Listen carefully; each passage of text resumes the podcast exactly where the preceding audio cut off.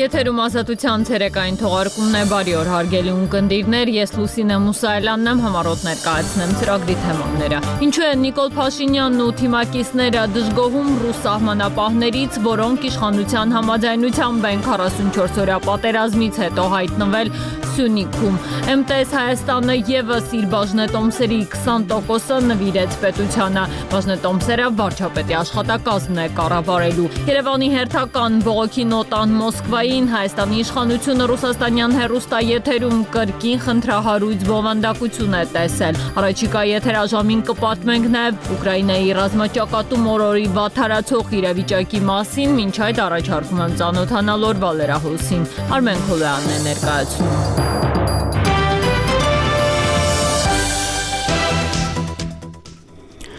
Բերլինում այսօր վերսկսվել են Ադրբեջանի եւ Հայաստանի արտաքին գործերի նախարարներ Ջեյհուն Բայրամովի եւ Արարատ Միրզոյանի բանակցությունները։ Երեք կայացել է նախարարների երկկողմ հանդիպումը, որը հետո շարունակվել է Երակոմ ձևաչափով Գերմանիայի արտաքին գործերի նախարար Անալենա Բերբոկի մասնակցությամբ։ Չնայած վարչապետ Նիկոլ Փաշինյանի հայտարարություններին Ղազախստանը դեռևս իրավական քայլեր չի տեսել Երևանի կողմից, Հավաքական անվտանգության պայմանագրից դուրս գալու ուղղությամբ այդ մասին այսօր ասել է Ղազախստանի փոխարտգործնախարար Ռոման Վասիլենկոն։ Ղազախստանը այս տարի հերթագայության կարգով նախագահում է հապկում։ Ռուսաստանի նախագահ Վլադիմիր Պուտինը դաշնային ժողովին հասցեագրված ամենամյա ուղերձում խոսել է Ֆրանսիայի ղեկավար Էմանուել Մակրոնի այն մեկնաբանության մասին, որով նա նկատել է թվել, թե չի կարելի բացառել Ուկրաինա ՆԱՏՕ-ի ստորաբաժանում ուղարկելու հնարավորությունը։ Մենք հիշ հիշում ենք նրանց ճակատագիրը, ովքեր ժամանակին իրենց զորախումբը ուղարկեցին մեր երկիր, բայց հիմա հնարավոր միջամտության հետևանքները շատ ավելի ողբերգական կլինեն, ասել է Պուտինը։ Նրա խոսքով այս ամենը իսկապես սպառնում է միջուկային զենքի կիրառմամբ, ինչը կհանգեցնի քաղաքակրթության կորցանմանը։ Պուտինը ամենամյա այդ ուղերձում զառանցանք է անվանել արևմուտքից հնչող պնդումները, թե Ռուսաստանը պատրաստվում է հարձակվել Եվրոպայի վրա։ Ռուսաստանի պատվիրակությունը կմեկնի Թուրքիա Ուկրաինայի հետ բանակցելու, եթե ստանա համապատասխան հրահանգ։ Այդ մասին հայտնել է Ռուսաստանի նախագահ Վլադիմիր Պուտինի օգնական Վլադիմիր Մեդինսկին։ Ռուսաստանի իրավապահները խստացրել են հսկողությունը Մոսկվայի Բորիսովյան գերեզմանատանը, որտեղ վաղ մարտի 1-ին պետք է հողին հանձնեն Բևերային բանտում մահացած Ռուսաստանի ինդիմության առաջնորդ Ալեքսեյ Նավալնիին։ Վրաստանի նախագահ Սալոմե Զուրաբիշվիլին չի հավատում նախկին նախագահ Միխայել Սաակաշվիլիին բանտում թունավորելու եւ խոշտանգումների ենթարկելու մասին նրա կողմնակիցների պնդումներին։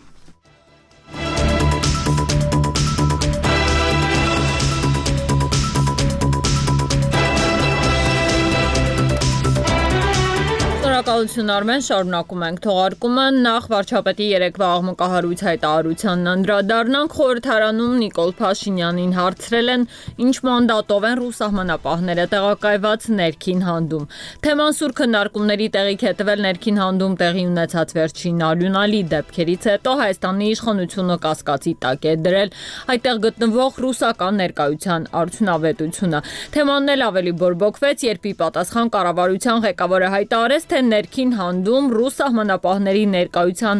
մանդատ կամ պայմանագիր գոյություն չունի եւ պնդեց պետք է արվեն համապատասխան հետևություններ։ Ում է պատվիրակում հետևություն անել Նիկոլ Փաշինյանը, որի վարչապետության օրոք են ներքին հանդում հայտնվել ռուսաստանցի զինվորականները 44 օրյա պատերազմից հետո եւ ի վերջո ինչպես ում որոշմամբ են օտար պետության զինվորները տեղակայվել Հայաստանի ինքնիշխան տարածքում։ Այս հարցերի պատասխանները Շողի Գասյանն է փորձել ողջել։ Թեև վարչապետ Նիկոլ Փաշինյանը պնդում է, թե ռուս սահմանապահների ներքին հանդիհատվածում տեղակայման վերաբերյալ պայմանագիր չկա, ընդդիմադիր падգամավոր Աննա Գրիգորյանը հայտարարում է. 44 օրյա պատերազմից հետո ռուս սահմանապահները Սյունիքում են հայտնվել մի պայմանագրով, որը ստորագրել են այն ժամանակ Հայաստանի պաշտպանության նախարար Վաղարշակ Հարությունյանը եւ Ռուսաստանի պաշտպանության նախարար Սերգեյ Շոյգուն։ Սա ըստ падգամավորի այն նույն պայմանագիրն է, որով 2020 թվականի դեկտեմբերին հայկական զորքերը հետ են քաշվել Զանգելանի եւ Կուբատլիի շրջաններից։ Ռուսների տեղակայման հատվածը հիմնականում Գորիս Կապան ճանապարհի եւ Կապան Ճակատեն ճանապարհների հատվածում էր եւ այդ ճանապարհների կոնկրետ ներքին հանդը հենց դեպի Ճակատեն գնացող այդ հատվածի, այսինքն այդ տարածքում է։ Ակնհայտ է, որ իհարկե դրանից հետո եղել է նաեւ ադրբեջանական ագրեսիա, ադրբեջանցիները ավելի առաջ են եկել, ներքին հանդում տարածքներ են օկուպացրել։ Ես ենթադրում եմ, որ դրանից հետո տեղակայման վայրերի որոշակի փոփոխություն իհարկե եղել է պայմանավորված ստեղծված նոր իրավիճակով բայց կրկնում եմ, նախնական ռուսների ի վերջո Սյունիքում հայտնվելու հիմնական հիմքը այդ փաստաթուղթն է եղել։ Այսօր թե որտեղ են գտնում ռուսները, դա հնդածս նոր պայմանավորվածությունների տիրույթ է, բայց այդ նոր պայմանավորվածությունների տակ չկան ոչ իրավական հիմքեր, ոչ հստակ պարզաբանումներ, թե ռուսներն ինչ պատասխանատվություն ունեն, ինչ հստակ մանդատ ունեն։ Երեք վարչապետը նաև հայտարարեց. Ներքին հանդում ռուս զինվորականների ներկայության մանդատ եւս չկա։ Ինչպես Նիկոլ Փաշինյանը ձևակերպեց, կան իրադրություններ, որոնք Հայաստան-Ադրբեջան սահմանին սպոնտան կերպով են ձևավորվել։ Այդուհանդերձ անվտանգության խորհրդի քարտուղար Արմեն Գրիգորյանն ավելի վաղ դժգոհել էր, թե ռուսները չեն կանխել վերջին արյունալի միջադեպը, որի հետևանքով հայկական կողմը 4 զոհ ունեցավ։ Դժգոհության մասին երեք ակնարկեց նաև վարչապետը, բայց ոչինչ չասաց Հայաստանի եւ Ռուսաստանի Ռուսաստանի պաշտպանության նախարարների ստորագրած պայմանագրի մասին։ Եթե սա նշանակում է, որ ռուս սահմանապահները այնտեղ որևէ անվտանգային գործառույթ չեն կարող իրականացնել, ենթադրվում է, որ սրանից պետք է արվեն նաև համապատասխան հետևություններ։ Ինչու են Նիկոլ Փաշինյանը եւ նրա թիմակիցները դժգոհում ռուս սահմանապահներից այն դեպքում, երբ հենց իշխանության համաձայնությամբ են ռուսները 44-օրյա պատերազմից հետո հայտնվել Սյունիքում։ Ընդ որում, ինչպես իրենք են պնդում առանց հստակ մանդատի եւ պայմանագրի։ Ի վերջո, ո՞րն է եղել իշխանության ակնկալիքը, երբ համաձայնել են Սյունիքում ռուս սահմանապահների տեղակայմանը։ Ազգային ժողովի պաշտպանության հանձնաժողովի փոխնախագահ Արմեն Խաչատրյանը եւս հստակ չի պարզաբանում։ Երևանի հերթական բողոքի նոտա Մոսկվային Հայաստանի իշխանությունները պնդում են դաշնակից երկրում կրկին խախտել են զանգվածային հաղորդակցության երկկողմ համաձայնագիրը, իսկ ավելի པարզ Ռուսաստանյան դաշնային հերոստանգերության եթերում Կրեմլամետ քարոզիչների խումբը կրկին թիրախավորել է Հայաստանը ու հերթական վիրավորական արտահայտությունները հնչեցրել Հայաստանի իշխանությունների հասցեին հայկական կողմի արձագանքի եւ ձեռնարկած քայլերի մասին Անուշ Մկրչյանն է պատմում։ Պաշտոնական Երևանը բողոքի նոտա է հղել Մոսկվային զանգվածային հաղորդակցության երկկողմ համաձայնագիրը խախտելու համար։ Հերոստատեսության եւ ռադիոյի հանձնաժողովը խախտումն արձանագրել է օրերս եւ դիմել է բարձր տեխնոլոգիական արդյունաբերության նախարարությանը։ Հայաստանի Հանրապետությունը չի կար, չի կարող տոլերանտ լինել այնպիսի բովանդակություն ունեցող հաղորդումների, որոնք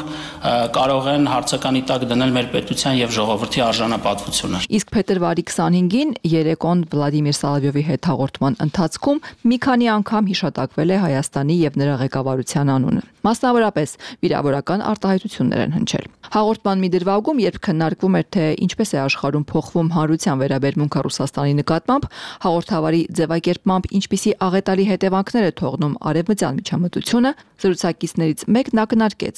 լավ կլիներ Հայաստանի իշխանությունները այս ամենը տեսնեին եւ մտածեին։ Կրեմլի ամենահայտնի քարոզիչներ Վլադիմիր Սալավյովն ու Մարգարիտա Սիմոնյանն էլ առիթը բաց չթողեցին հայտարարելու։ Դեռ 2008-ին պետք է հարցը լուծվեր եւ ոչ Հայաստանի, ոչ էլ Վրաստանի հետ սահմաններ չէին լինի։ Если в восьмом году Այ եթե մենք 2008-ին լուծեինք Վրաստանի խնդիրը, Ռուսաստանը ցամաքային սահման կունենար Հայաստանի հետ, իսկ կյանքը բոլորովին այլ կլիներ Հայաստանում։ Սահման ընդհանրապես չէր լինի ոչ Հայաստանի, ոչ Վրաստանի հետ ինչը եւ պետք է լինի։ Նախարար Մխիթար Հայրապետյանը խորհրդարանում երեք այս հաղորդման մասին խոսելիս տեղեկացրեց. բողոքի նոտայից բացի մինամակ էլ ինքն է ուղարկել իր ռուս գործընկերոջը, առաջարկելով անհապաղ խորհրդակցություն անցկացնել Երևանում կամ Մոսկվայում։ Միջպետական համաձայնագիրը ամենայն հավանականությամբ լրամշակելու կամ խմբագրելու անհրաժեշտություն ունի Ռուսական ալիքների հետ կապված խնդիրը նոր չէ։ Հոկտեմբերի 23-ին էլ ռուսական քարոշչամեքենայի առաջատար առաջին ալիքն էր եթեր հեռարձակել Հայաստանի վարչապետին մեղմ ասած քննադատող ծրագիր Նիկոլ Փաշինյան աղետ բերողը վերնագրով։ Տարեվերջին բարձր տեխնոլոգիական նախարարությունը հաղորդեց, որ ռուսական կողմն ընդունել է Հայաստանի հետ զանգվածային հաղորդակցության ոլորտում համագործակցության երկկողմ համաձայնագրի խախտման փաստը։ Այսօր առավոտից լարված իրավիճակ էր նոր-նորքում մեծաթիվ ոստիկանների ներկայությամբ շին տեխնիկան քանդում էր գայի պողոտայի 8 տուն։ Բնակիչները պնդում են իրենց նախորոք չեն ծանուցել, ընդամենը 2 օր են տվել տարածքն ազատելու համար։ Սուսան Բադալյանն է հետևել տեղում իրադարձություններին։ Ես սիրում էի հողը, սիրում էի, չէի կարող իսկ կտրվեի։ Մարիկ, դա բայց Առավոտից քանդող տեխնիկան մտել է Գայի պողոտայի սկզբնամասում գտնվող ինքնակամ կառուցապատված տարածք։ Քաղաքապետի այսօրվա որոշմամբ պիտի քանդվեն բոլոր շինությունները։ Այստեղ նաև բազմաթիվ կարմիր պերետավորներ կային։ Տարածքը մարդիկ տասնամյակներով օգտագործել են առանց սեփականության իրավունքի։ Խորց արել եք օրինական։ Շատ անգամ, մերժումել անգամ չեն տվել։ Քաղաքապետանը դեռ չի որոշել, պետք է քարտեզագրի որ նոր ձեզի պատասխան տանք։ Առանց պատասխան, առանց զգուշացնելու։ Երկու շաբթ օրն եկան, ասին 3 շաբթ, 4 շաբթի քանդել են, ձեր վեշերը հավաքեք։ Լույս, ջուր, կոյուղի ամեն ինչ եղել է։ Երրաֆազ են քաշել 25-30 միլիոն դրամ գումար ենք ծախսել։ Պահել են, ամեն անգամ դիմել ենք, ամեն տարի։ Սեփականացնելու համար։ Սեփականացնելու համար քաղաքապետարանում կա մեր տվյալները ամեն ինչ կա։ Ուղղակի դե չուզեցան անեն չգիտեմ ինչ պատճառով։ Քաղաքային իշխանությունը պնդում է կանաչ տարածքի են վերածելու։ Հիմա պետք է քանդվեն բնակիչների կրպակները, տները։ Մարդիկ տարիներ ի վեր զավթել են կանաչապատ տարածք, որը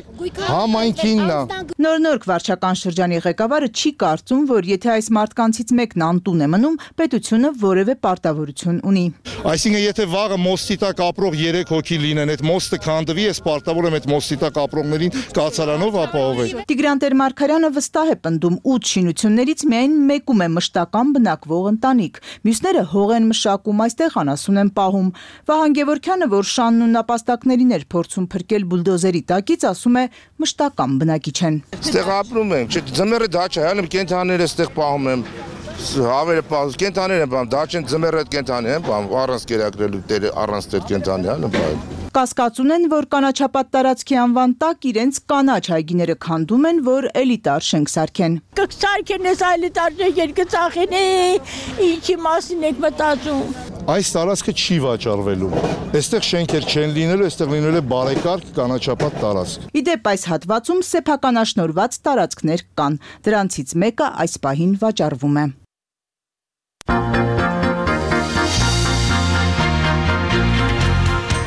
Թեմաների մասին MTS Armenia ընկերությունը որոշել է իր 100% բաժնետոմսերի 20%-ը նվիրաբերել կառավարությանը։ Սա վերջին 3 տարվա ընթացքում արդեն երրորդ խոշոր ընկերությունն է, որը պետությանը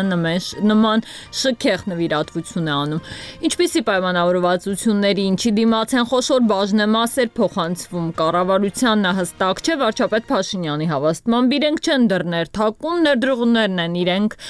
ինքնական որոշում նվերանել կառավարությանը Հայաստանը, բայց այն, որ այս գործարքները խնդրահարույց են առնվազն թափանցիկության տեսանկյունից, նույնիսկ պաշտոնական շրջանակներում են խոստովանում։ Ռոբերտ Զարգարյանն է մանրամասնում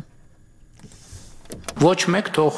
բան սենց խետ հայացքով մեզ չնայ։ MTS Հայաստանի բաժնեմասերի 20%-ը պետությանն է։ Կառավարությունն այսօր ընդունեց ընկերության խոշոր նվերը, ընդ որում բաժնետոմսերը վարչապետի աշխատակազմն է կառավարելու։ Հայաստանի Հանրապետության կառավարությունը շնորհակալությամբ է ընդունում նվիրատվությունը։ Վերջերս սեփականատիրոջը փոխած MTS Հայաստանը պետությանը 20% բաժնեմասեր նվիրաբերելու մասին տեղեկացրեց պետական մարմինների իրարամերժ որոշումներով ուղեկցված վաճառքի գործընթացի ավարտին։ Սկզբում պետությունը չէր թույլատրել Viva-ի վաճառքը մեկ այլ ընկերության։ Պատճառաբանել էին այն կարող է վնասել Հայաստանի ազգային անվտանգությանը կամ պետական շահերին։ Կես տարի անց սակայն նույն գնորդի կողմից նույն ընկերությունը ձեռք բերելու հայտը նույն պետական մարմինը բավարարեց։ Գուցե բաժնեմասերի 20%-ի փոխանցման պայմանով է պետությունը համաձայնել։ Այս հարցերին հստակ պատասխաններ դեռ չկան։ Ակնհայտ է, որ կուլիսային պայմանավորվածություն է եղել։ Ընդգծում է տնտեսագետ Սուրեն Պարսյանը։ Առ այսօր պայմանավորվածությունների վերաբերյալ որևէ տեղեկություն չկա կա։ MTS Հայաստանը Կիպրոսում գրանցված Fedilco Group Limited ընկերությունն է գնել։ Fedilco-ի իրական շահառուներն ըստ կապի օպերատորի Ջրե Ջանկն ու Կոստանտին Սոկոլովն են։ Ընկերությունը նրանց որպես պրոֆեսիոնալ ներդրողներ է ներկայացնում։ Հետքն ուսումնասիրելով այս անձանց գործունեությունը եզրակացրել էր, նրանք պարզապես կառավարիչներ են ու աշխատում են իրական սեփականատերերի համար, որոնք Երևալ չեն ուզում։ Այսպիսով կառավարությունը 3 տարվա ընթացքում արդեն 3-րդ խոշոր ընկերությունից է նվիրատվություն ստանում. 15% Զանգեզուրի պղնձամոլիբդենային կոմբինատից, 12.5 Լիդիան Արմենիայից, 20 էլ MTS Հայաստանից։ Նիկոլ Փաշինյանը վստահեցնում է, իրենք դռներ չեն թակում, ներդրողներն իրենց կամքով են նվերներ անում։ Մենք այդպիսի դեպք չունենք, որ մարդու դուրը ծեծենք, ասենք հարգելի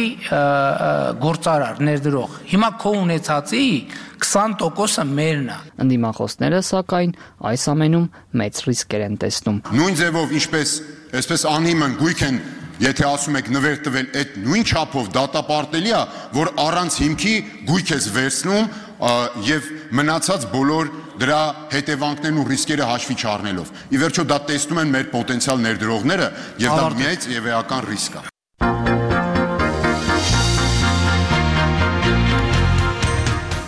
Ուկրաինա տեղափոխվենք սպառազինության եւ մարդուժի սուր պակասի ֆոնին Կիևը հերթական անհաջող ռազմական օպերացիայի մասին է հաղորդում, որի ընթացքում ուկրաինական կողմը բազմաթիվ զոհեր է տվել։ Այն, որ իրավիճակը ռազմաճակատում չափազանց լարված է, խոստովանում է նաեւ Ուկրաինայի զինված ուժերի գլխավոր հրամանատար Ալեքսանդր Սիրսկին, բարձրաստիճան զինվորականը ցեղողումների եւ թերացումների համար նաեւ առանձին հրամանատարների է մեղադրել Գևորգ Ստամբոլցյանն է հաղորդում։ Իրադրությունը ռազմաճակատում շարունակում է բարդ մնալ եւ դրա պատճառներից մեկը ուկրաինացի որոշ հրամանատարների թույլ տված սխալներն են։ Ուկրաինայի զինված ուժերի նորանշանակ գլխավոր հրամանատար Ալեքսանդր Սիրսկին այս մասին սոցիալական ցանցերի իր օկտահաշիվներում գրել է այսօր առավոտյան ճակատային գից կատարած այցից հետո։